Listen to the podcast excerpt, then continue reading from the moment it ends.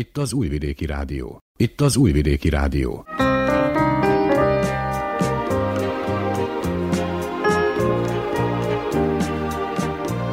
Egészségügyi mozaik.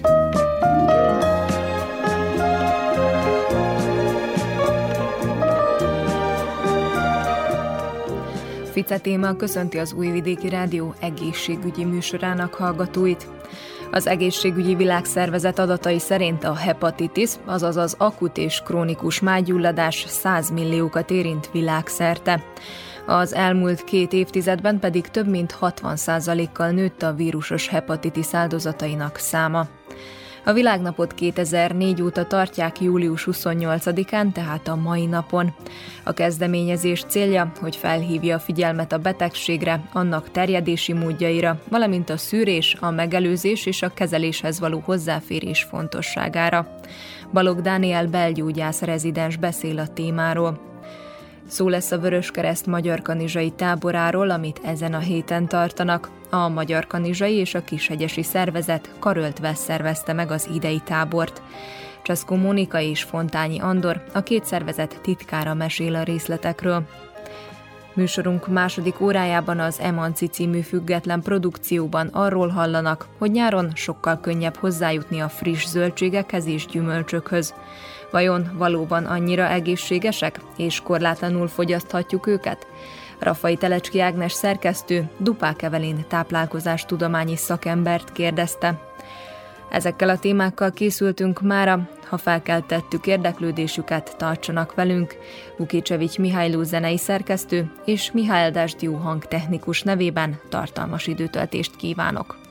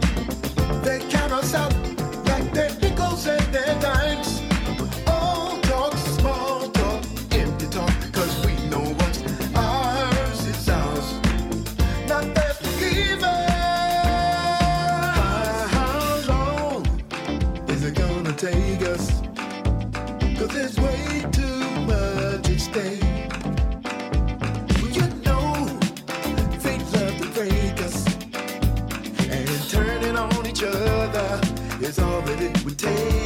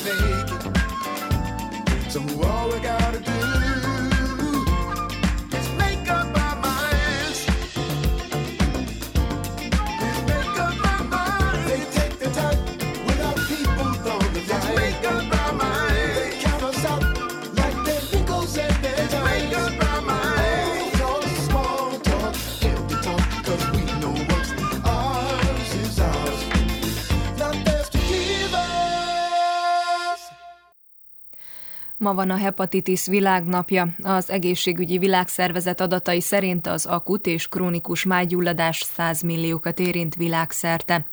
A kezdeményezés célja, hogy felhívja a figyelmet a betegségre, annak terjedési módjaira, valamint a szűrés, a megelőzés és a kezeléshez való hozzáférés fontosságára. Balog Dániel, belgyógyász rezidenssel beszélgettem a betegségről. A hepatitis az egy olyan betegség, amely alapvetően a májnak a gyulladását jelenti, tehát a máj szövet, a máj sejteknek a gyulladását jelenti ez.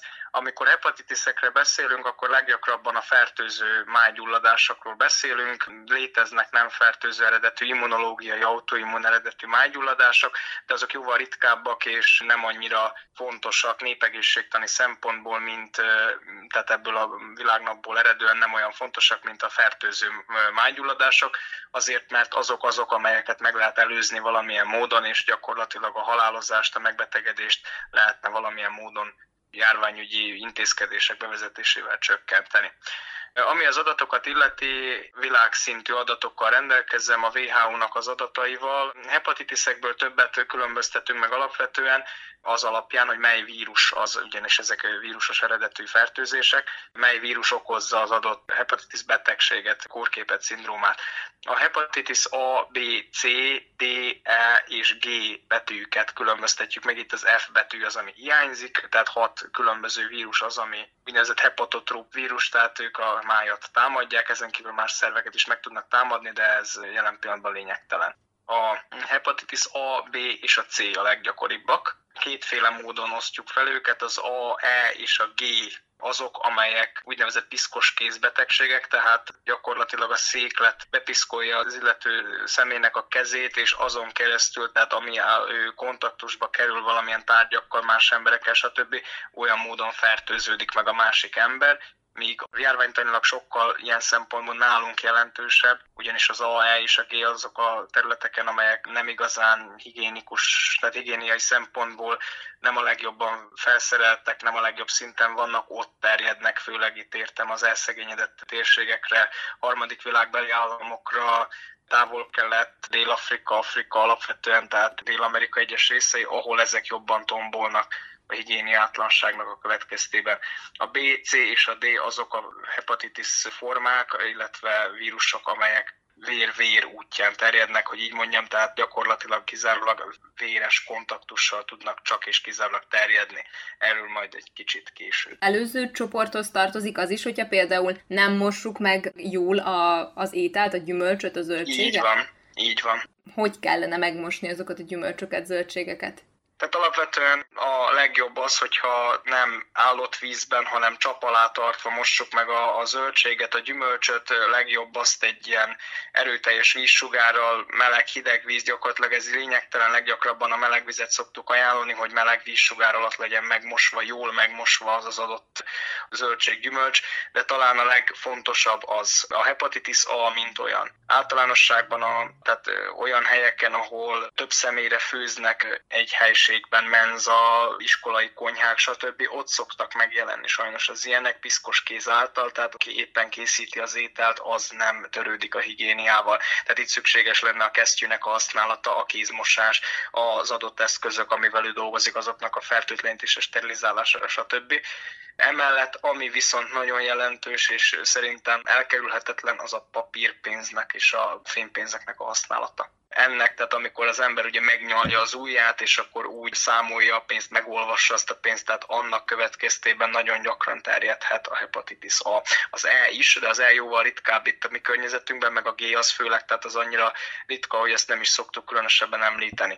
Az E az, az is inkább a távol-kelet Dél-Afrikának a betegség, az A az itt viszont nálunk is jelen van. Tehát sokan, akik úgynevezett sárgasággal, ugye úgy szoktak mondani, sárgasággal kerülnek be a kórházba, azok általában hepatitis A autóval kerülnek be. Azért számos esetben, amikor megyek bevásárlóközpontokba, húspultoknál, akik a felvágottat vágják, sok nem. esetben nem húznak kesztyűt. Ilyen esetben is azért gondolom lehet szólni, vagy megkérni őket. Alapvetően jogunk van erre, tehát minden vásárlónak erre joga van.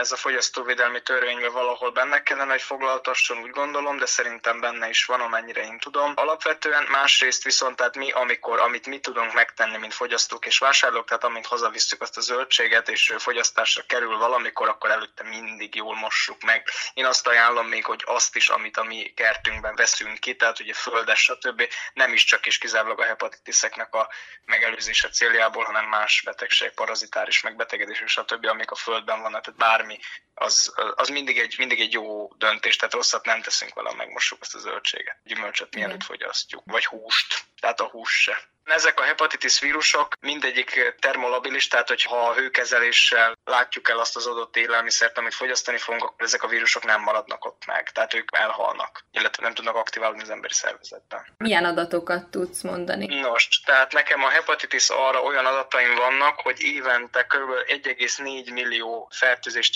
regisztrálnak. Összesen a fertőzötteknek a számát nem lehet követni, ugyanis ez egy akut fertőzés, ami lezajlik elég gyorsan, néhány hetes gyógyulással lezajlik, és utána gyakorlatilag teljesen szövődménymentesen meggyógyulnak az emberek benne.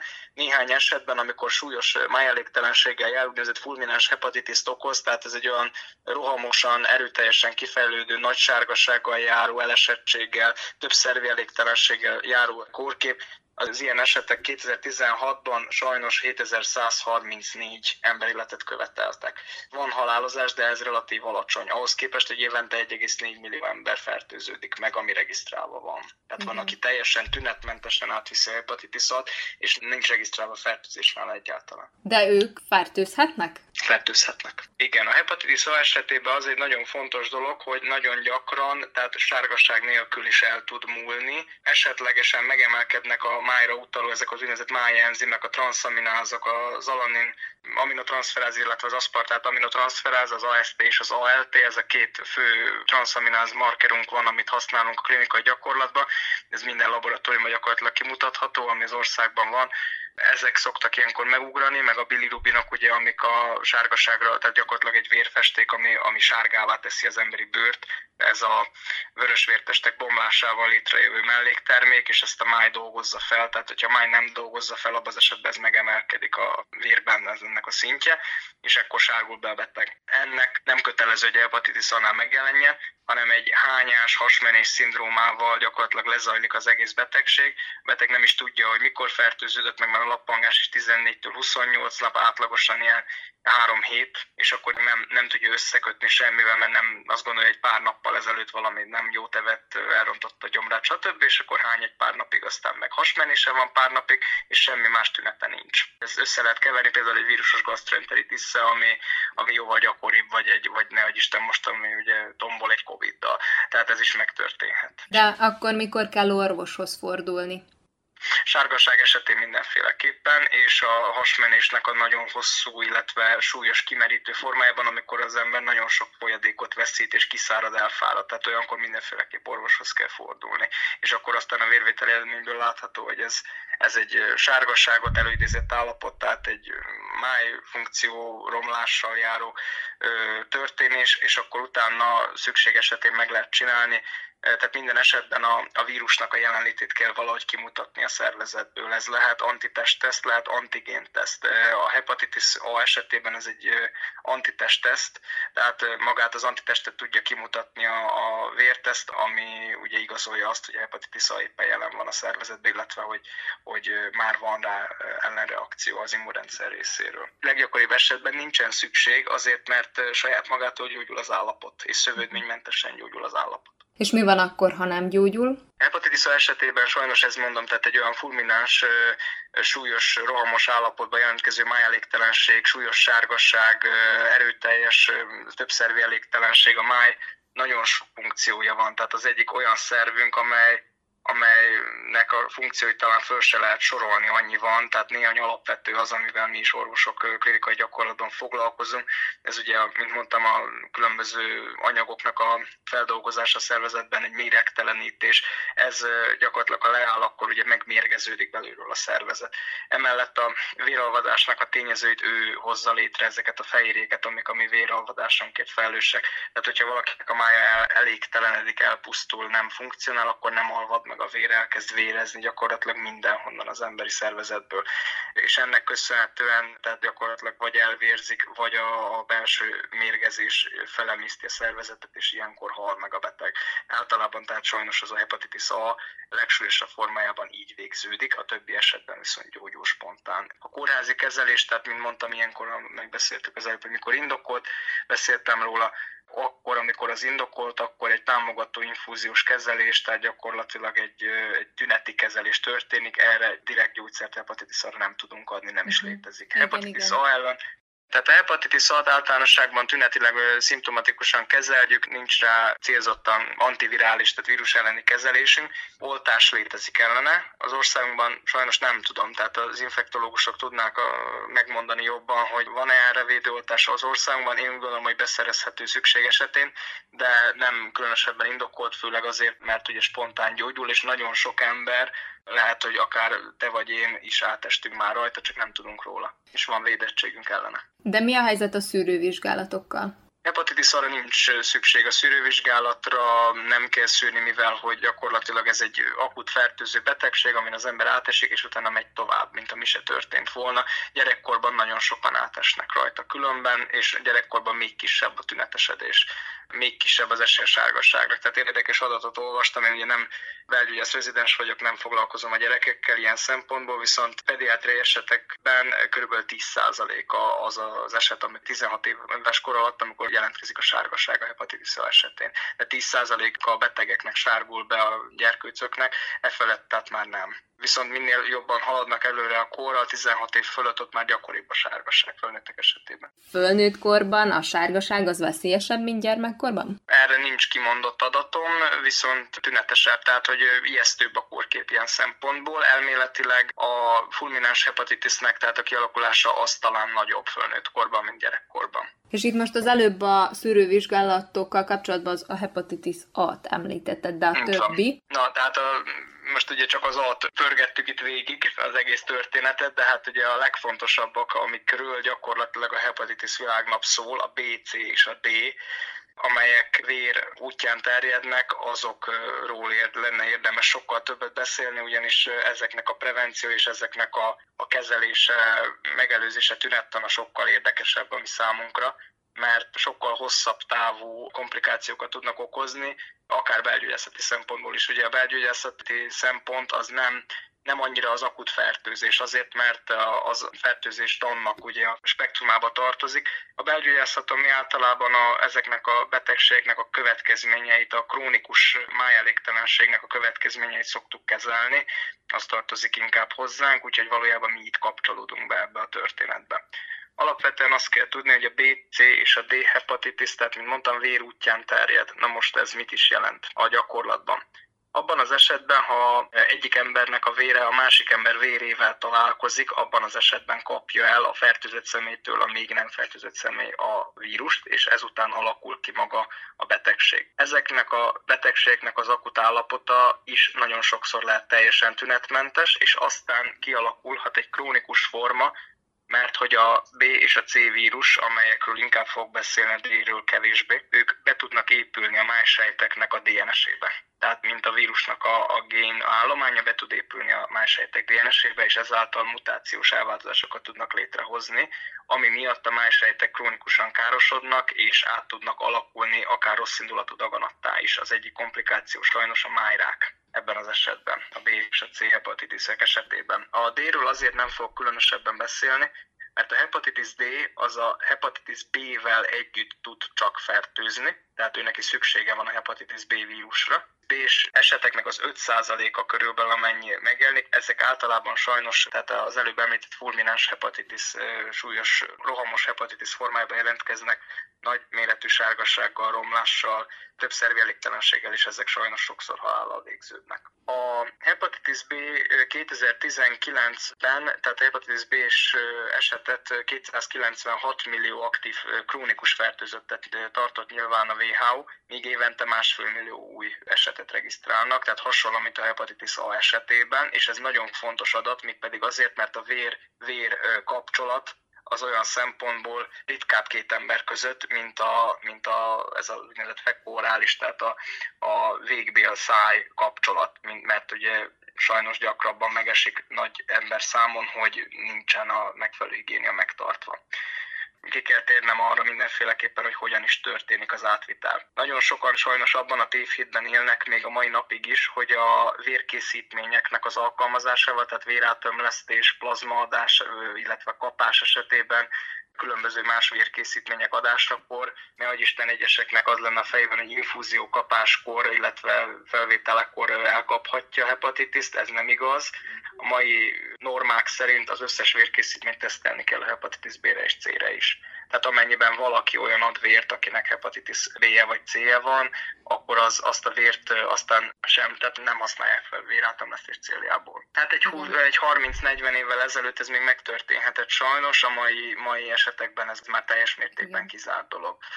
A leggyakoribb átviteli mód a hepatitis B és C esetében még a szexuális aktus. Na most a szexuális aktus esetében sokkal nagyobb veszélyt jelent, tehát a heteroszexuális aktus esetében ugye a vaginális közösülés az, aminek a legkisebb esélye van a fertőzésre. Az anális szex sajnos, hogy sokkal problematikusabb, azért mert ott jóval gyakrabban történik meg a hámsejteknek a sérülése, akár a végbélben, akár a nemi szerveken, míg a legveszélyesebb ilyen szempontból az a úgynevezett MSM, tehát men sex with men, tehát férfi, férfival történő szexuális aktus az, ami a legveszélyesebb ebben az esetben. A harmadik esetben pedig, amikor szülés során a fertőzött kismama, illetve fertőzött terhes anyuka az, aki átviszi a magzatára, illetve az akkor születendő gyermekére a, a vírust és a fertőzést. A hepatitis B az tud szoptatás által is terjedni, míg a hepatitis C az nem. Tehát, hogy itt van eltérés a kettő között. Hepatitis B esetében 2019-ben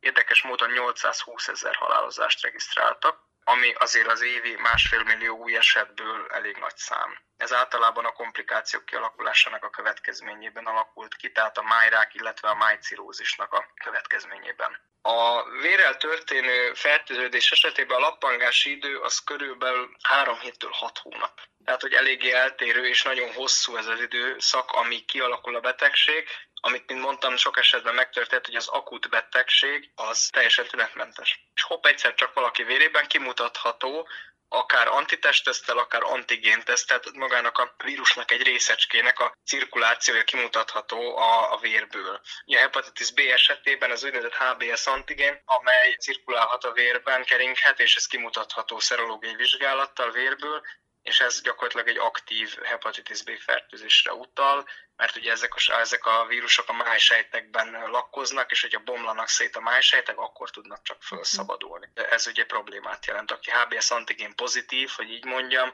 az nem kerül műtétre, nem, tehát ott a szülés során, illetve a terhesség követés során nagyon oda kell figyelni, hogy valami történjen a terhességgel, ott az újszülöttnél egy teljesen más vakcinációs eljárás van, amiről a pediáterek tudnának beszélni, de gyakorlatilag ez egy ilyen dolog, ami esetében már ugye más a, a hozzáállás. Hepatitis C esetében antitestteszteket nézünk, ott is ez a helyzet. De mivel tünetmentes, akkor mi ajánlott akkor itt azok, akik mondjuk rendszeres szexuális életet élnek, akár férfiak, akár nők, járjonak szűrővizsgálatokra? Általánosságban járványügyi szakértők azt szokták tanácsolni, hogy azok, akik gyakran váltanak partnert, tehát heteroszexuális párok esetében is, illetve heteroszexuális beltudtságú emberek esetében is fontos az, hogy a, akik gyakran váltanak partnert, most ebbe talán nem mennék bele, hogy ez mit jelent egész pontosan, de gyakorlatilag nem élnek egy hosszabb távú kapcsolatban, házasságban, nekik ajánlott néha napján azért évente, ha más nem egyszer megnézetni ezeket. Egy HBS antigént, meg egy anti-HCV antitestet nem árt megnézetni, ugyanúgy hogy a HIV tesztet is érdemes megcsinálni, tehát hogy ez, ez a saját egészség védelmének érdekében mondjuk ilyen szempontból nem rossz akik hosszabb távú kapcsolatban élnek, azoknál ez nem jelentős. Vannak ilyen központok, vagy ezt az általános orvosnál is kérhetik? Lehet kérni az általános orvosnál is, illetve bármely privát laboratóriumban meg lehet csinálni. Ez mellett mondjuk a HIV teszt, illetve HIV tanácsadás az működik itt Újvidéken a, a járványügyi központban, a Higiénszki závodban, hogy ugye mi hívjuk. Itt ez teljes mértékben működik, hepatitiszekre tudomásom szerint ez itt nem működik. Az egyetemisták körében az egyetemista egészségház ad erről tájékoztatást és felvilágosítást orvosítást, illetve tesztelési lehetőséget is. A hepatitis C-ről akartam még az adatokat elmondani. Itt 58 millió krónikus fertőzöttet tart nyilván a WHO, és hasonlóan, mint a hepatitis A és B esetében itt is másfél millió új fertőzöttet regisztrálnak évente.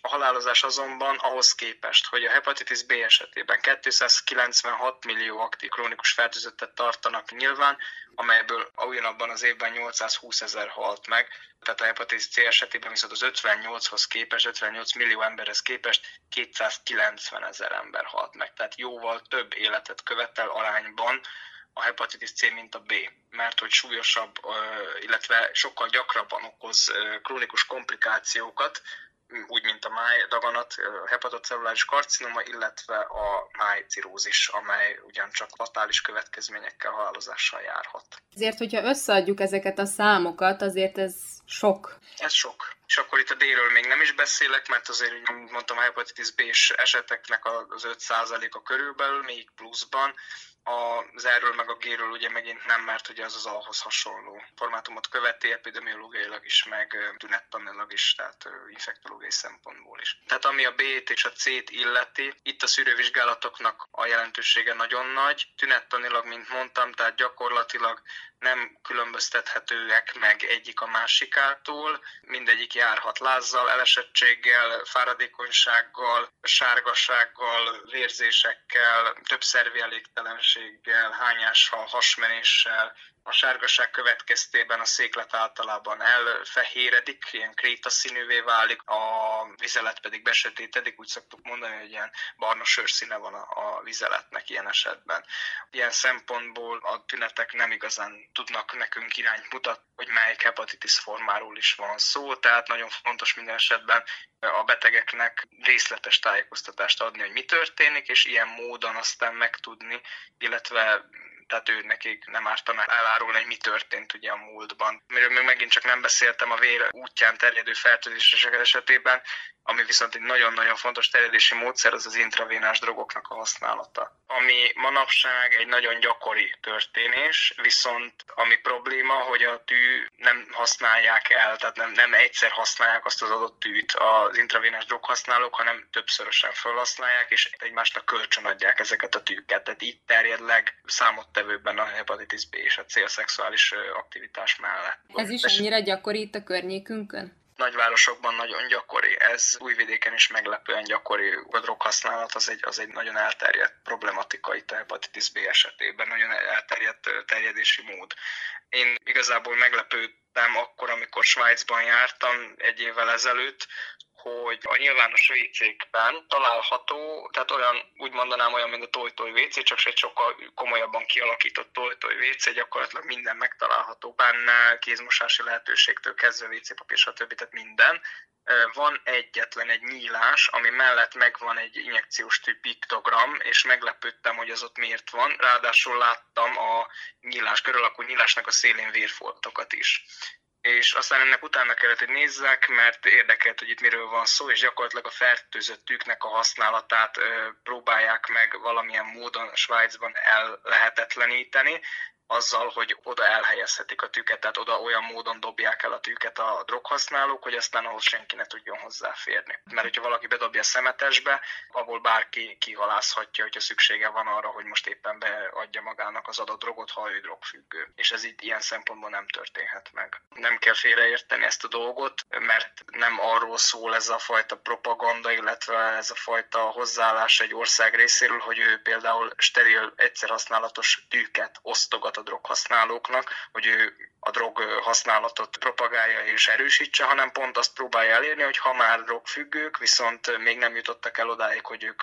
eljussanak a leszoktatási fázisba, hogy akkor ne fertőzzék meg egymást. Mondanál hát néhány nagy... ilyen országot, ahol ezt praktizálják? Tudomásom szerint különben újvidéken is voltak hasonló esetek, meg ha jól tudom Magyarországon is. Nekem megföltűnőben ez éppen Svájcban, én Zürichben voltam, és ott láttam ezt. A krónikus, illetve az akut hepatitis B és C kezelése az ugyancsak hasonló módon, mint a hepatitis A kezelése, az egy ilyen szupportív tüneti kezelés, amikor is az infektológiai osztályokon ezek a betegek fekszenek, és akkor ott követik az ő állapotukat, tehát ezekre általánosságban akut antivirális terápia, a, ha szükségeltetik, ezt az infektológus kell, hogy eldöntse, akkor létezik a B-re is és a C-re is. Krónikus esetekben ugyancsak létezik, tehát a krónikus hepatitis B-s betegek, amennyire én tudom, ők el tudnak járni, akár nem kórházi bentfekvés során, hogy itt állandóan bentfekszenek a klinikán, hanem ilyen nappali kórház formájában fölvehetnek havi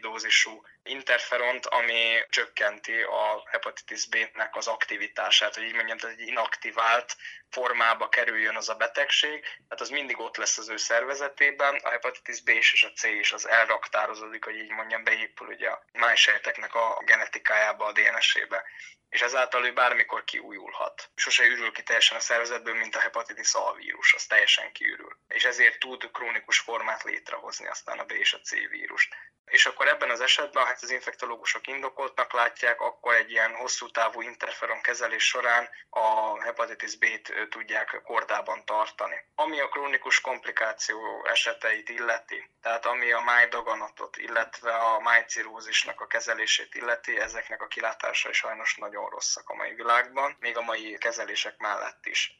Májdaganatnak a kezelése az lehet műtéti, lehet ugye sugárkezelés, illetve kemoterápia.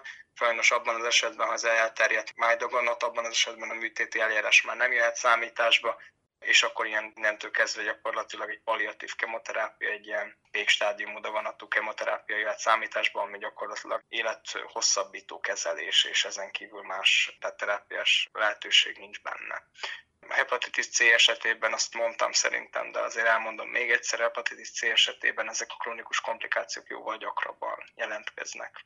Ami még a prevenciójukat illeti, a hepatitis B-re kötelező a mai világban a védőoltás, Szerbiában is kötelező gyerekkorban oltanak három dózisban, később aki esetleg nem oltatta be magát, később is beoltathatja magát, ez ma egy törvényileg kötelezett védőoltás Hepatitis C ellen azonban sajnos nem létezik védőoltás. És te, mint fiatal orvos, milyen gyakran találkozol ilyen esetekkel? Néhány éves munkám során egy néhány esetben találkoztam, tényleg nem sok esetben, és akkor is inaktív, inaktív hepatitis B és C esetekkel találkoztam, tehát ők infektológiai kontrollok alatt voltak, monitoring alatt megfigyelték őket, és ők általában más ok miatt kerültek a belgyógyászatra, csak hát ott mindig föl kell, hogy legyen ez tüntetve a beteg korlapjában valahol, akár az orvos, akár a nővér számára is, hogy ugye a nővér, amikor megszúrja ezt az adott beteget, ő potenciálisan kapcsolatba kerülhet az ő vérével.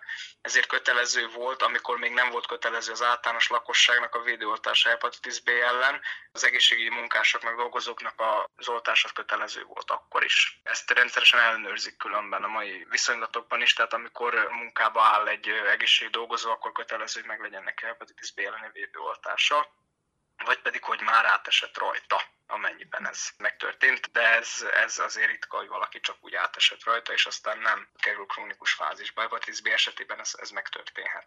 Ilyen szempontból ezt mindig fel kell tüntetni a mi betegeink korlapjában, és akkor úgy kell kezelni a beteget, hogy minél kisebb legyen a, a kontaktus, tehát mindig óvatosabban kell bánni az ő vérkészítményeikkel, szúráskor ne, szúrja meg magát a nővér is a tűvel. Itt az Újvidéki Rádió.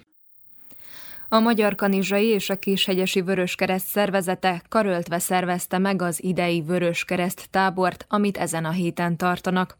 Cseszkó Mónika és Fontányi Andor a két szervezet titkára mesél részletekről. Az idei tábort Kanizsai Vöröskereszt a Kishegyesi Vöröskereszttel közösen szervezi. Lent vagyunk a Kanizsai Tiszaparton, a földerítőknek a vízitelepén, egy 50 általános iskolás korú gyerek, valamint egy 15 fiatal fiatalkorú, középiskolás gyerek és a további felnőtt, tehát körülbelül 77-80 személy tartózkodik lent, és próbáljuk a programot megvalósítani. Nagyon változatos programot készítettünk, a célunk az volt, hogy a fiatalokat megismertessük azokkal a tevékenységekkel, amit a Vörös Kereszt végez, ami a Vörös Keresztnek a feladatai. Itt van elsősegélynyújtásnak a népszerűsítése, emberkereskedelem megelőzés, víradás szervezésről fognak tanulni, generációkat összekötő programjaink lesznek, természetesen fürdeni fogunk, hajókázni fogunk, mint ahogy ezt nyári táborokba illik, és nagyon hasznosan eltölteni. 5-től 8. osztályig vannak a, a táborlakók, ők vannak 50-en, és mindegy 15 fiatal, középiskolás korú gyerek, aki ebbe próbál segíteni, és természetesen ők is részt vesznek a programokban. És ezt hányadik tábor, hány éve tartják? Nekünk kanizsaiaknak ez számszerűsítve talán a 20 Voltak évek, amikor kimaradtak. Kisegyesi kollega itt ül mellettem. Hanyadik? Hát nekünk ez az első, úgymond nagy vonalú tábor. Látogattunk már több tábor, de amiben mi is szervezők vagy társszervezők vagyunk, az számunkra az első. Andor, mesélnél erről, hogy hogyan is valósult, meg honnan jött az ötlet? Az előző években én már látogattam a Magyar Kanizsai Vöröskereszt tábort is. Nagyon szimpatikus volt és hasznos is a gyerekek részére, akik eljöttek velem erre a programra. És ezért is nagyon megörültem a lehetőségnek, mikor Mónika fölkínálta a közös szervezés, vagyis nem is tudom, hogy volt, hogy én kezdeményeztem, de hogy megegyeztünk abba, hogy az idei évben közösen szervezzük ezt a tábort. Így a, az előző évekhez képest az öt gyerek helyett mi is tudtunk 25 általános iskolást és 8 középiskolás diákot hozni erre a táborra. Nagyon fontosnak és hasznosnak tartom ezt a nyári tábort, mivel itt a diákokkal és a, gyerekekkel egy egész másfajta kapcsolatot tudunk kialakítani, ugye több napon keresztül együtt vagyunk velük reggeltől egészen elalvásig, és egész más kapcsolatok születnek, így egész más képet alakítanak ki ők is a Vörös mint amikor amit év közben tudunk csinálni velük csak az iskolai látogatások folyamán és egyéb programok szervezésére. Lesz ennek folytatása az elkövetkező években? Én meg vagyok győződve róla, hogy ez csak a kezdete az egésznek, és hogy ez csak jobb irányba fog fejlődni, hogy minél több gyerek nek föl kell csak az érdeklődését a, a szervezet tevékenysége iránt, és megnöveljük a szándékukat a szervezetbe való bekapcsolódáshoz. És akkor én Monikát kérdezném még a programokról, hogy egy kicsit fejtsük ki bővebben akkor ezt, hogy mire is készíti fel a gyerekeket, fiatalokat a tábor melyik témakörre milyen előadásokat, milyen gyakorlatokat készítettek. A tábor lakók elvégzik a 12 órás elsősegélynyújtó alaptanfolyamot, amiben megismerkednek a, az újraélesztéssel, a koma helyzettel, sebekről fognak tanulni, a sebek ellátásáról, bizonyos állapotoknak az elsősegélynyújtásáról, törésről.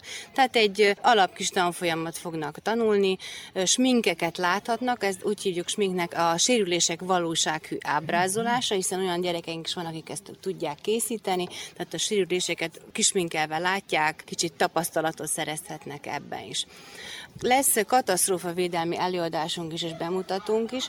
Célunk az, hogy már preventíven dolgozzunk a fiatalokkal a, a katasztrófa megelőzés terén, hiszen az utóbbi évek mutatták, a klímaváltozás is arra figyelmeztet bennünket, hogy senki sincs biztonságban sajnos. Egyre többen a klímaváltozással nagyobb katasztrófák történnek. Az utóbbi években is bebizonyosodott, hogy nagyon gyakran kellett teljes társadalmi összefogás arra, hogy a legrászorultabbakat és a legnehezebb sorsú embereket megsegítsük, ha csak a Covid-ot nézzük, vagy a nagy szerbiai árvizet. Tehát a gyerekek erről is fognak hallani, hogy mi a Vöröskereszt feladat az ilyen helyzetekben, mit tudnak ők esetleg diákként, kiskorúként ebbe segíteni, hogy a keresőszolgálat van a Vöröskeresztben, ezeket a feladatokat látják, hallhatnak róla.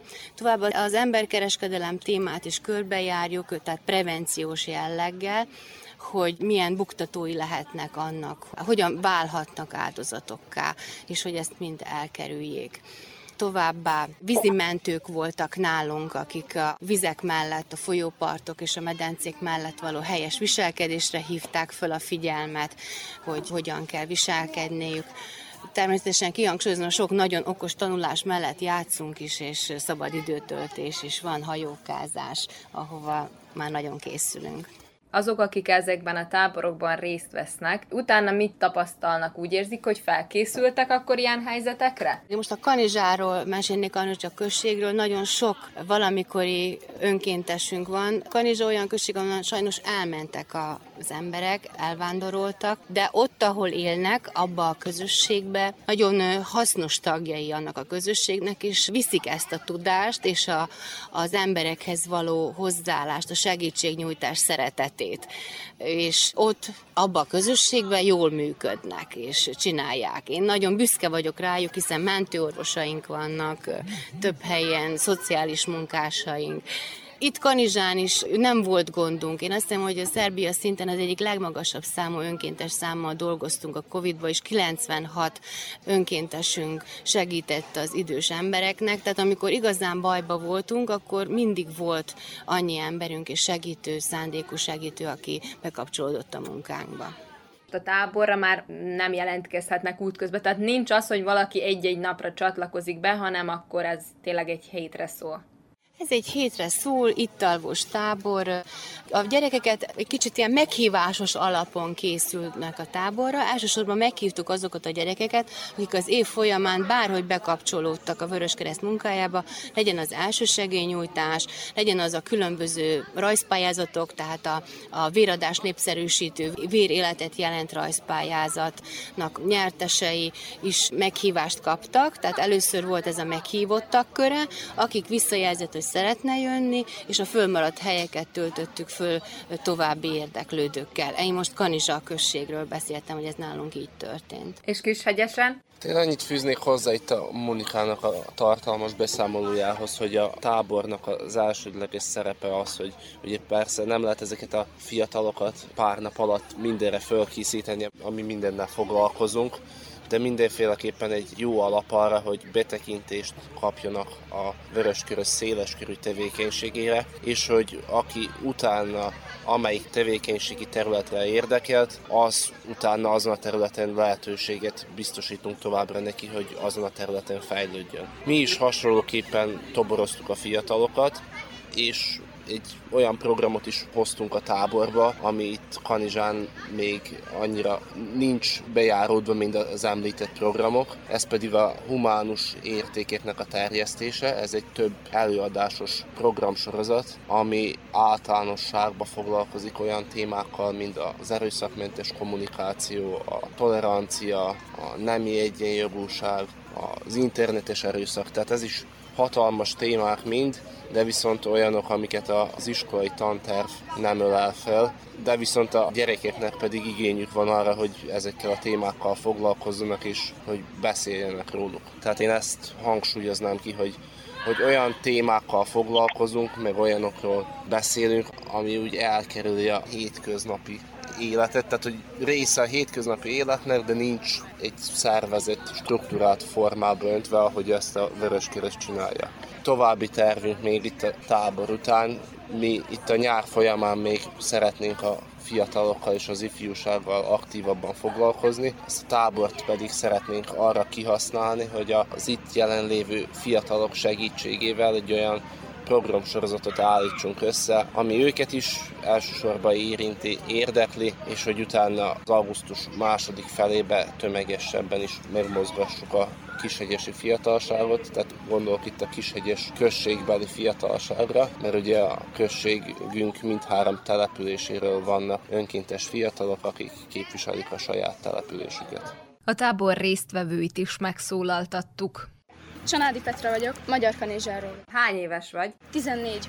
Nekem ez az első táborom. És honnan hallottál róla? Első segélytanfolyamra jártam, és ezért tudok a táborról, úgyhogy ezért vagyok most is itt. Nagyon tetszik a Vöröskeresztben, hogy minden embernek segítenek, tehát abszolút semmi különbséget nem tesznek az emberek között, és ugyanúgy segítenek mindenkit, és én is nagyon szeretek segíteni az embereknek, mert az nagyon jó érzés, és így a lelkem is nyugodt. És utána szeretnél ebben a szakmában elhelyezkedni, akár mondjuk mint nővér, vagy ezt csak így iskola mellett fogod majd folytatni? Hát ezt mint szakma nem igazán tudom magamnak elképzelni, de mint ilyen aktivista folytatni fogom szerintem. Kinek ajánlanád ezt a tábort? Leginkább azoknak, akik nem lusták, szeretnek segíteni az embereken tényleg, és kíváncsiak, mert nagyon érdekes dolgok vannak itt, sok mindent meg lehet ismerni, tehát szinte mindenkinek ajánlom. És eddig melyik program tetszett a legjobban? Legjobban nem tudok kiemelni semmit. engem minden érdekel, és mindent szeretek csinálni, úgyhogy ilyen kedvencem sosincs sehol. Akci Alexandra vagyok. És hány éves vagy? 13. Két éve járok elsősegélyre, és tavaly is voltam táborban. És te hová valósi vagy? Martonos. Miért választottad a tábort? Igazából, mert érdekel. Így egész az első segély. És te mit vársz az, egész hétből a legjobban, vagy mi tetszik a legjobban? Eddig, amit tetszett, az leginkább a röplabda volt, meg amit várok, az a hajókázás. És te kinek ajánlanád? Mm, igazából én is mindenkinek.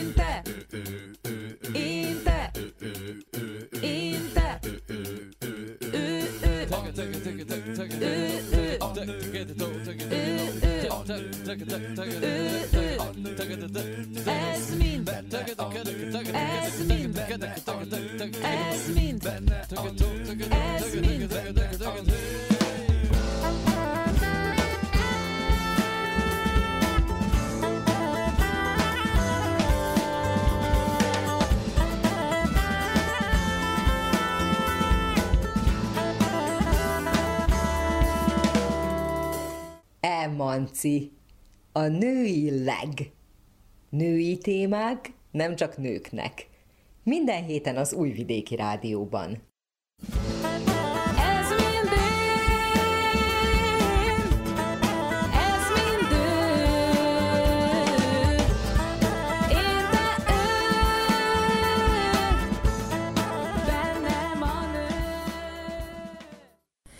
Szép napot kívánok! Raffai Ágnes köszönti az Újvidéki Rádió minden kedves hallgatóját. Sokak kedvenc évszaka nyár. Nem csak az iskolai szünetek vagy az évi szabadságok, a vízpart és a napsütés miatt, de olyankor sokkal könnyebb hozzájutni a friss zöldségekhez és gyümölcsökhöz is. Vajon valóban annyira egészségesek és korlátlanul fogyaszthatjuk őket? Mi a helyzet a vitaminokkal? Folyamatosan kellene szedni őket nyáron is, vagy ilyenkor abba lehet hagyni a fogyasztásukat, hiszen úgyis pótoljuk a friss zöldségek és gyümölcsök segítségével. A mai műsorban Dupák Evelin táplálkozástudományi szakemberrel beszélgetek. Tartsanak velünk!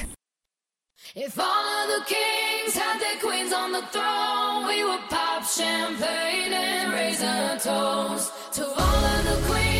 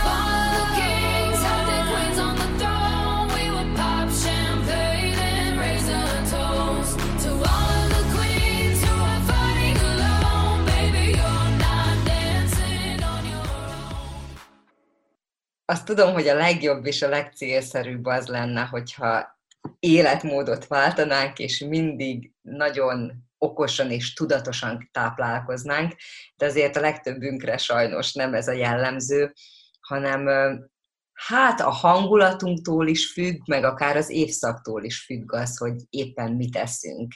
A nyár ilyen szempontból egy könnyített terep, vagy pont egy veszélyesebb terület?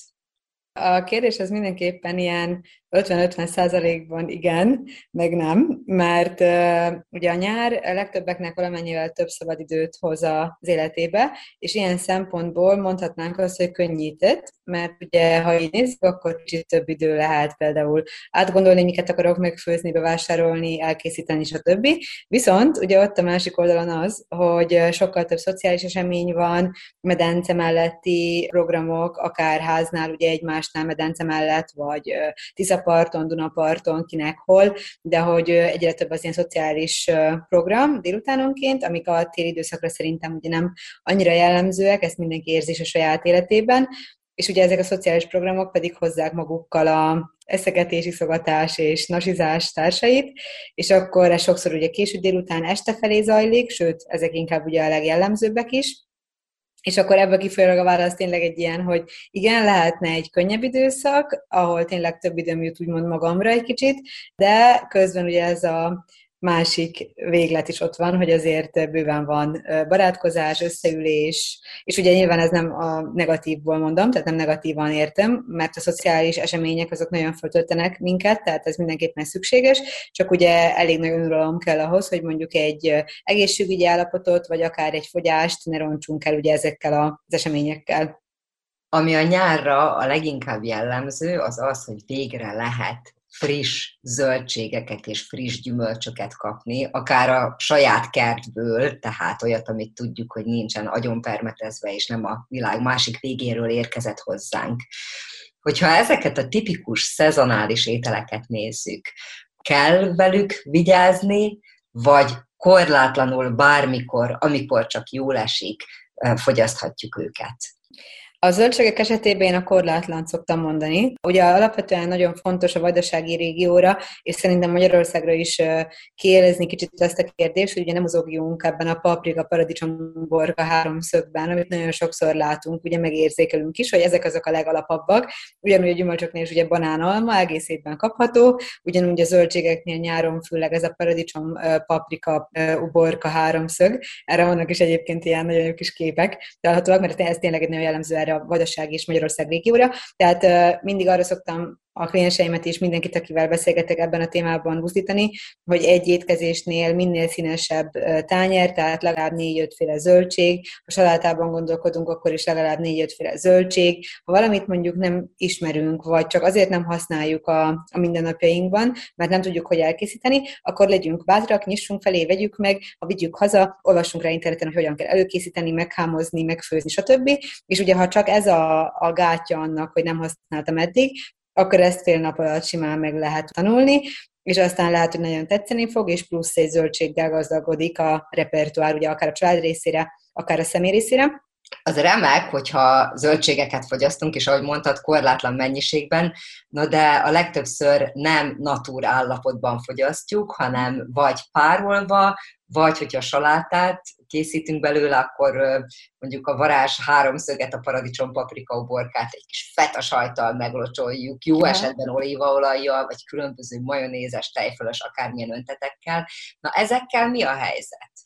Hát akkor a salátáktól indulok. Igen, tehát a salátáknál a leg, legjobb öntet, amit lehet használni. Tehát mindig ajánljuk azt, hogy ugye balzsamecetet vagy almaecetet használjunk a salátáknál, mivel általában a legtöbb ecet, mindegy, hogy most melyik, én ezt a kettőt hangsúlyoztam ki. Az ecetek többség az ugye vércukrot csökkent, illetve ugye kevesebb inzulint kíván tőle a szervezet. Szóval az ecetes öntetek azok szuperek tudnak lenni, akár reggel, délben, este. Ezen fölül én, amiket szoktam még ajánlani saláta öntetnek, hogy hanyagoljuk ezeket a bolti ilyen saláta öntett, ízesített kategóriákat, mert ugye rengeteg adalékanyag, legtöbbször rengeteg cukor van benne, alapvetően a tejtermékekkel ugye lehet gond, nagyon sok embernek van akár bélpanasza, akár bőrpanasza, vércukorszintet ugye ki tudja kezdeni, tehát ezeket inkább anyagoljuk, és csináljuk meg otthon a mi saját kis citromos öntetünket, tehát citrom, rendes friss citromnak a levéből, kicsi oregano, bazsalikom, kinek mi így a, a kedvére való fűszernövény, és esetleg még ehhez egy kis olívolajat lehet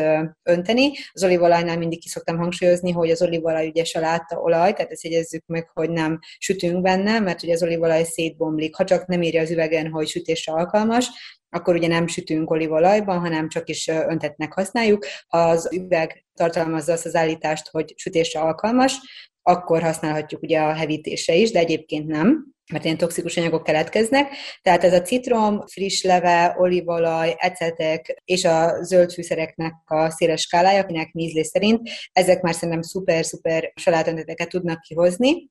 Hogyha feta sajtot, vagy mondjuk egy kis csemege kukoricát konzervből, vagy ilyesmit teszünk rá, azt mennyire rontja az értékét kettő dolgot mondtál, ez mind a kettő olyan dolog, ami nagyon személyre szabottan lehet nagyon rossz is embereknek. Egyrészt a kukorica ugye pajzsmirigyeseknek nem javasolható, tehát sem alulműködés, sem túlműködés, sem hasimotóban.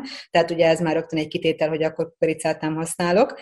Másrészt meg a tejtermékek is egy olyan kategória, ami tehát nem szabad, hogy legyen se emésztési probléma, se bőr probléma, se vércukor ingadozás, az, hogy a tejtermékeket teljes szívvel tudjuk valakinek ajánlani. Tehát nyilván vannak azok az emberek, akik tényleg annyira jó egészségnek örvendenek, hogy a tejtermékek nem bántják őt, hanem tényleg előnyöket kapnak belőle, de sajnos most ugye, ahogy én is látom, ezek az emberek nagyon kevesen vannak. Tehát, hogy azért a legtöbb embernek van problémája a tejtermékekből, és ennyire nyugodtan nem lehet ajánlgatni. Az ugye nyilván már nem állja meg a helyét, hogy, hogy a tejtermékek, meg ez a kálcium ellátottság, ez egy ilyen nagyon elavult nézet. Ugye a csontoknak az egészségéhez a K2 vitamin járul hozzá.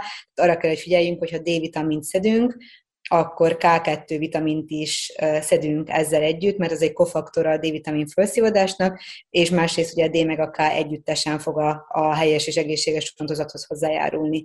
Tehát ugye ha valakinek felmerül a kérdés, hogy mi van a kálciummal, ha nem eszek tejtermékeket, akkor ugye alaptalan a félelem ettől, mert a K2 az, ami egy fontos kofaktor. Ouch.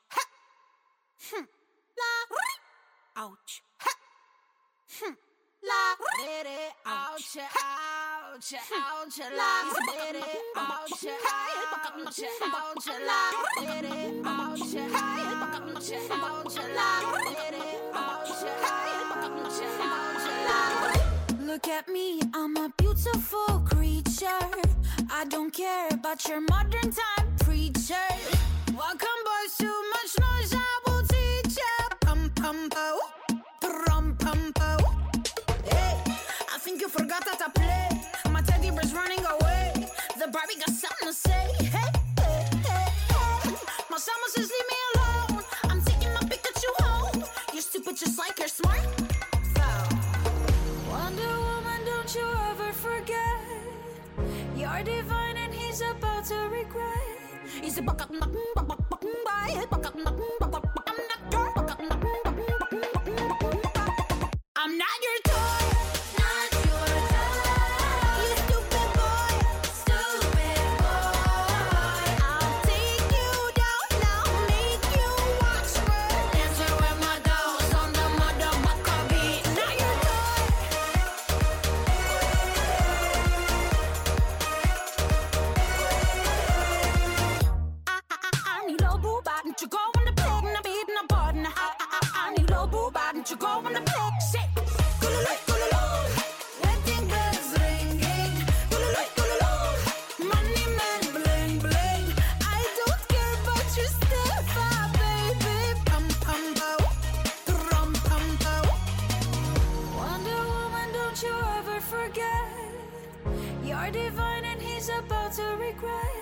Easy back up, knock, back, back.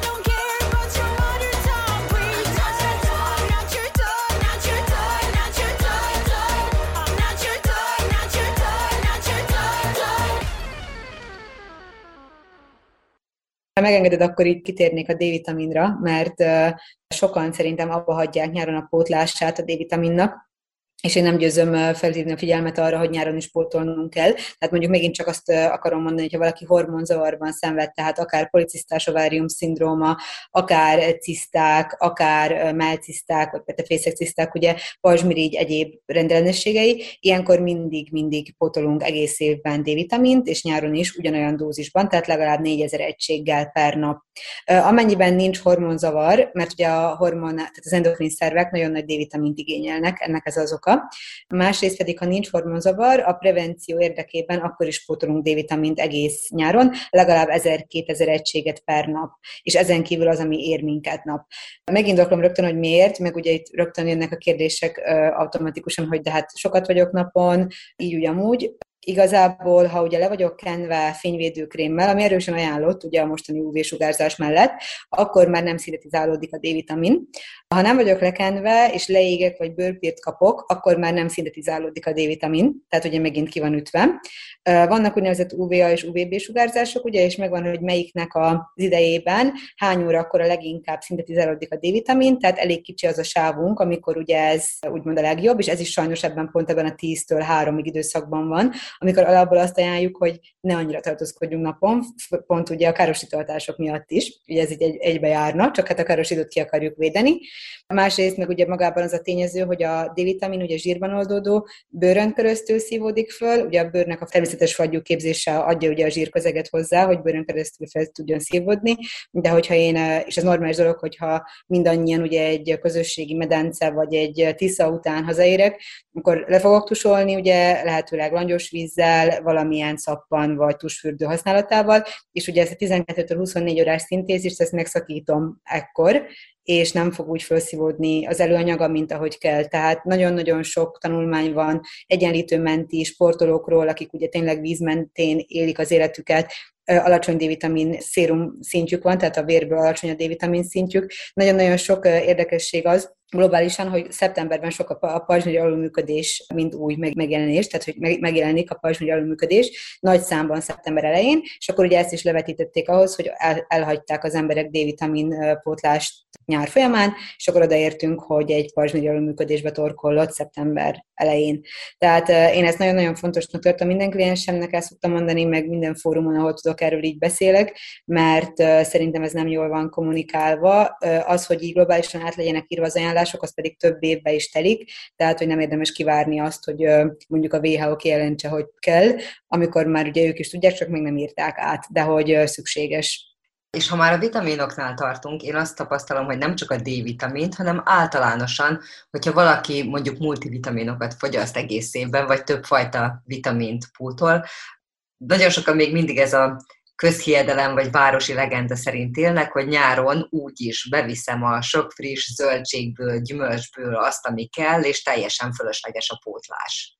Hát ezzel csak az a gond, hogy ugye sajnos nem élünk olyan termőtalajon, ami híreskedne vagy neveskedne ugye a úgymond nagyon nagy telítettségben, így ásványanyag és vitamin szinten, tehát a termőtalajok azok nagyon silány minőségűek, ugyanúgy vajdasági régiót, meg Magyarországot nézve. Most ugye azért beszélek ebben a kettőben, mert szerintem a hallgatók többsége ezeken a területeken él, tehát a termőtalaj, ugyanúgy, hogy a vízminőség, vagy a levegőminőség, a termőtalaj minősége is nagyon-nagyon silány. Tehát, hogy ilyen szempontból nem számíthatunk a legtöbb vitaminra, meg ugye azért nem beszélve az adagokról, amiket meg kellene ennünk ahhoz, hogy napi szinten, hogy bekerüljön az a minimális, és akkor abból is, hogy mennyi szívódik föl, milyen forma, stb. Tehát néha tényleg azért jók az étrendkiegészítők, mert ott ugye dolgoznak már azzal is, hogy a gyomron keresztül hogyan szívódik föl 100%-ban, és nincs veszteségünk vele ugye a jó minőségűekkel. A táplálékból bevitte be, ugye most megint csak nem akarom, hogy félreértés legyen, tehát nyilván igyekszek a mindennapokban, meg igyekezni kell bevinni a legszínesebb skálában, viszont el kell fogadni azt, hogy a mai világban ebből nem fogom megkapni a teljes telítettséget vérszérum szinten. Tehát igazából így a kettőt össze mosva kell alkalmazni, tehát kellene bizonyos kiegészítők, ugye vannak alapkiegészítők, vannak specifikusok, amik már problémára szólnak, meg ugye azon kívül a színes táplálkozás, és akkor abból kapok egy ilyen egészet, hogyha ugye úgy akarom, hogy minden odafigyeljek.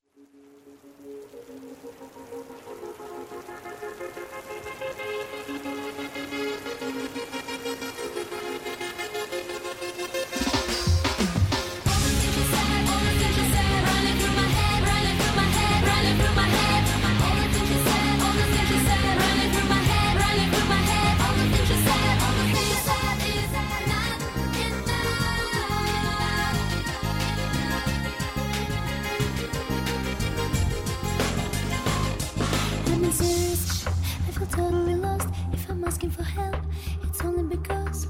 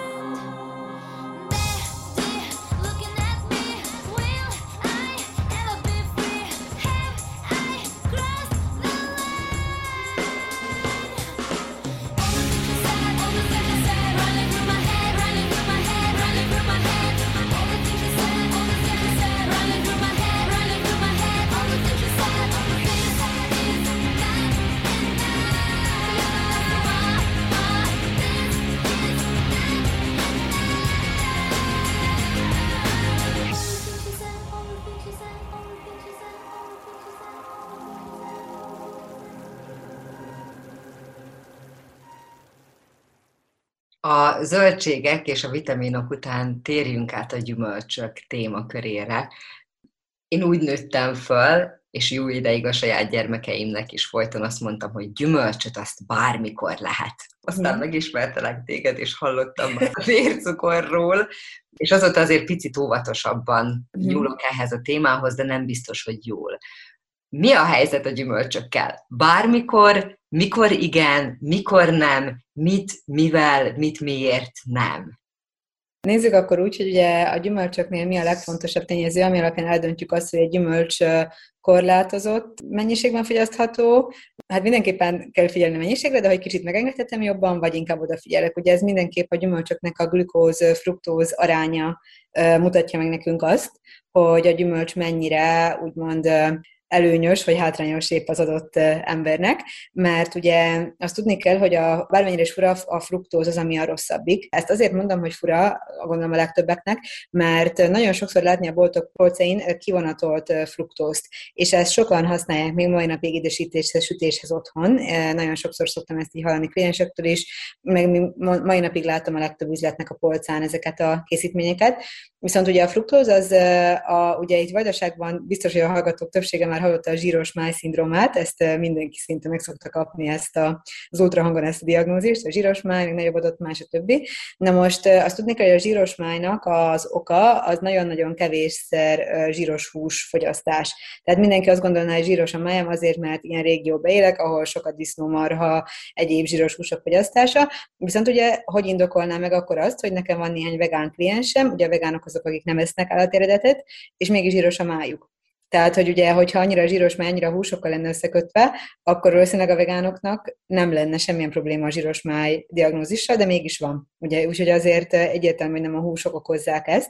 Nyilván egy olyan diét, ami rettentően gazdag zsíros húsokban, és mellette szegény minden nyomelemben, ásanyagban, fog okozni gondot, de egy zsíros májszindrómát főként a fruktóz okoz, tehát a gyümölcs cukor, a fruktóz, ugye az, ami átalakult trigliceriddé a szervezetben, és ez a triglicerid fog a májra, mint a szervre, így szépen így rátelepedni, és akkor kialakítani ezt a zsíros máj diagnózist, amit ugye az ultrahangon már úgy látnak, hogy a máj ugye el van zsírosodva, ezt igazából nagyon nagy problémának vesszük, mert most csak belegondolunk abba, hogy bármely szervünk el van zsírosodva, az azt jelenti, hogy úgy kell elképzelni, mintha az a szerv úgymond folyamatosan fuldokolna, mert ugye nem kap elég levegőt, nem tud úgy dolgozni, működni, ahogy az rendeltetésének híven kellene. Szóval a szervek elzsírosodása úgynevezett hasüregi zsír, amit főleg abban a felső hasít, tehát ugye a rekeszizom alatt, gyomor, lép, hasnyálmirigy, epe, máj, ezeket érinti, ez egy nagyon veszélyes dolog, főleg férfiaknál a szívinfarktusnak a kockázatát ugye növeli. Na most a gyümölcsöket, ahogy mondtam is, ezt, ehhez hozzájárulnak a fruktóz tartalom miatt, és ebből kifolyólag pontosan a nyári gyümölcsök azok, amik a legtöbb fruktóz tartalmazzák. Tehát igazából a citrusfélekkel nincs nagy gond, ugye, ami télen képviseltetik magukat. A nyáron pedig pont ez az őszi barack, sárga barack, kopasz barack, akkor dinnye, görög dinnye, sárga dinnye, szilva, cseresznye megy. Ugye ezek mind-mind azok, amik fruktózban sokkal magasabb tartalmúak, mint glükózban. És ugye így az arány rossz lesz nekünk. Megint csak nem azt mondjuk, hogy ne együk ezeket, viszont nagyon-nagyon meg kell gondolni a mennyiségeket. Például, ha cseresznyét szedek, most ugye kicsit már így lement a szezon, de ha cseresznyét szedek, akkor például fél bögre cseresznye az, ami az adagom. Például egy barackból egy darab barack az adagom. Tehát ugye ezek annyira kicsi adagok, hogy hogy sokan belegondolnak abba, hogy, hogy egy kilót is meg tudnék enni, mert milyen finom, meg édes, meg minden, meg egészséges, tehát szó se róla, hogy a barackban is ott vannak ugye az A-vitamin származékok, meg azért vannak itt pozitívumok, de figyelni kell arra, hogy mik a mennyiségek, görög dinnye, sárga dinnyéből is ez a kettő kis új vékony szeletke, az egy adagunk, és ezeket az adagokat is elhelyezni a napnak olyan pontjaiba, ahol aktívak vagyunk, tehát vagy fizikai aktivitás elé, tehát mondjuk ha medenceparton úszkálok, csobbanok, stb. mozgok, akkor oda, ha sportolok egyébként rendszeresen, akkor sport elé helyezzem el. Alapvetően azzal is számolni érdemes, hogy a vércukor bontó képességünk, meg a cukoranyagcserénk a napnak a folyamán úgy aktív, ahogy a nap ugye fölkel, és úgy kezd lassulni, ahogy a nap lemegy. Tehát ha reggel ébredek, a délelőtt folyamán egy elég aktív cukoranyagcserém van, ebédkor még mindig, és ebéd után úgy kettő-három magasságába, és csökkenni kezd, és ugye ez innentől kezdve csak csökken és csökken. Tehát, hogy ha úgymond a bioritmusommal is össze akarok dolgozni, akkor ezekre a dolgokra azért odafigyelek, hogy ne aknázzam olyan körszervezetemet, amikor alapvetően nem is erre van fölkészülve, például esti órákba, ugye, hogy cukrokat vigyek be, Megint csak más helyzet, ha mondjuk nekem hétkor van este edzésem, most csak egy példa, és én fél hétkor megeszek egy banánt, hogy én stabil vércukor érkezek az edzésre, ahol azt a cukrot el is használom abban az órában, még ott edzek. Nyilván teljesen oké, okay, de hogyha mondjuk én ülőmunkát végzek este nyolcig, és megeszem a gyümölcsalátámat hétkor, akkor nyilván nem fogok sok jót tenni magamnak, mert nem mozogtam le ezt a cukrot. Az a cukor ugye trigliceriddé alakult, ami pedig más zsír alakul a végén. Úgyhogy ugye ilyen szempontból ezért ezek veszélyes dolgok tudnak lenni, meg túlzásba lehet esni, meg lehet belőle gond. A bogyósok, a pont ez a málna, szeder, áfonya, ezek nagyon egészségesek, tehát ezeket így tehát nagyobb mennyiségben, naponta akár két bögre mennyiségben is szoktuk ajánlani. Egyrészt a benne lévő színanyagok, azok ilyen antociánoknak nevezett színanyagok, ezek nagyon erős antioxidáns hatásúak, tehát gyulladást csökkentenek az érrendszerben is, mindenhol a szervezetben szisztémásan, illetve a vércukrot sem emelik meg, mert teljesen jó bennük a glukóz-fruktóz arány. Tehát, hogy a bogyósokra fókuszáljunk, az alma szintén ugye egy nagyon okés gyümölcs, tehát egy közepes ilyen indexű, és akkor ezeket a tipik nyáriakat pedig fogyasszuk, amikor szezon van, de mértékkel nagyon legyünk óvatosak, mert a gyümölcsfogyasztás tényleg sokszor okoz egyéb gondokat, és nem is gondolnánk rá, hogy azzal rontom el akár.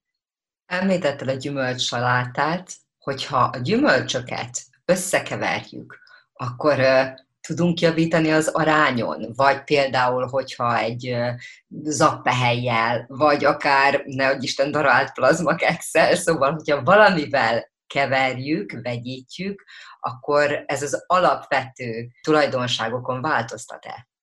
A gyümölcs a gyümölcsel az nem annyira, tehát hogyha most én egy glükózorientált gyümölcsöt keverek egy fruktózorientáltal, attól még nekem nem lesz sokkal jobb, viszont hogyha azt csinálom, hogy például kétféle gyümölcsöt teszek, mondjuk most mondok valamit, áfonyát, meg sárga barackot, szeretelek fel egy tálkába, akkor ehhez inkább mindig a magvakat ajánljuk ugye hozzá, tehát mondjuk akár mozsárban megtört török mogyoró, dió, kesudió, akármilyen szezámmag, vagy napraforgó mag, bármi, mert ugye a magvakban lévő zsírok, azok viszont segítenek lecsökkenteni azt a vércukoremelő hatást, amit a gyümölcs produkál. Tehát, hogy úgymond a zsírokkal kicsit ki tudom ütni a vércukoremelő hatását a gyümölcsöknek. Mondjuk ez zapkásánál is igaz, hogy egy jó zapkása, ugye úgy néz ki, hogy zapkása, maga az ab, ugye, a gyümölcs, de nem sok gyümölcs, általában az akásában egy vagy maximum kettő, tehát mondjuk fél bögre áfonya, fél banán, az mondjuk egy normál zapkás adag gyümölcs, és ez mellé még a magvakat, vagy magkrémet mindenképpen tegyük hozzá, tehát vagy húzzunk egy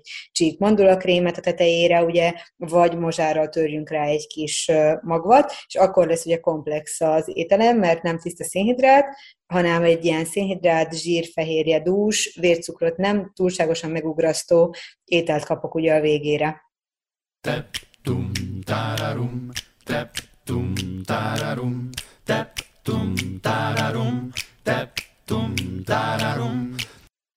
Kedves hallgatóink, ennyi fért mai műsorunkba, melyben Dupák Evelin táplálkozástudományi szakemberrel beszélgettem. Köszönöm figyelmüket! A szerkesztő Raffai Ágnes mára búcsúzik Önöktől.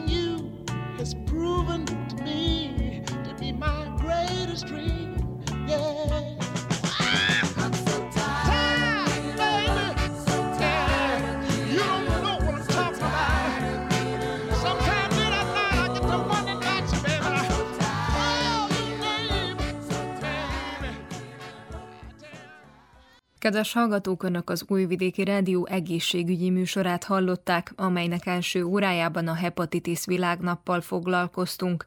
Az egészségügyi világszervezet adatai szerint a hepatitis, azaz az akut és krónikus májgyulladás 100 milliókat érint világszerte. A kezdeményezés célja, hogy felhívja a figyelmet a betegségre, annak terjedési módjaira, valamint a szűrés, a megelőzés és a kezeléshez való hozzáférés fontosságára. Dr. Balog Dániel belgyógyász rezidens beszélt a témában. Szó volt a Vörös Kereszt táboráról, amit ezen a héten tartanak. A Magyar Kanizsai és a Kishegyesi Szervezet karöltve szervezte meg az idei tábort.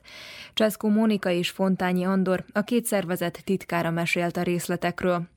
Műsorunk második órájában az Emanci című független produkcióban arról hallhattak, hogy nyáron sokkal könnyebben hozzájutni a friss zöldségekhez és gyümölcsökhöz. Vajon valóban annyira egészségesek, és korlátlanul fogyaszthatjuk őket? Raffai Telecski Ágnes szerkesztő Dupák Evelin táplálkozás tudományi szakemberrel beszélgetett. Vukicevics Mihályló zenei szerkesztő és Gorán Mávics hangtechnikus nevében Fice Téma köszöni meg figyelmüket. Műsorunk visszahallgatható a www.rtv.rs.hu honlapon, a médiatárban, az egészségügyi mozaik cím alatt. Az egészségügyi műsorral a jövő héten is a szokásos időben, csütörtökön délelőtt a 10, és az esti ismétlésben a 8 órai hírek után jelentkezünk. További szép napot és jó rádiózást kívánok!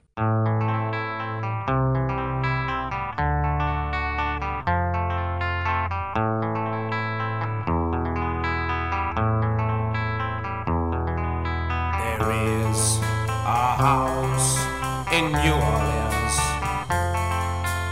Oh.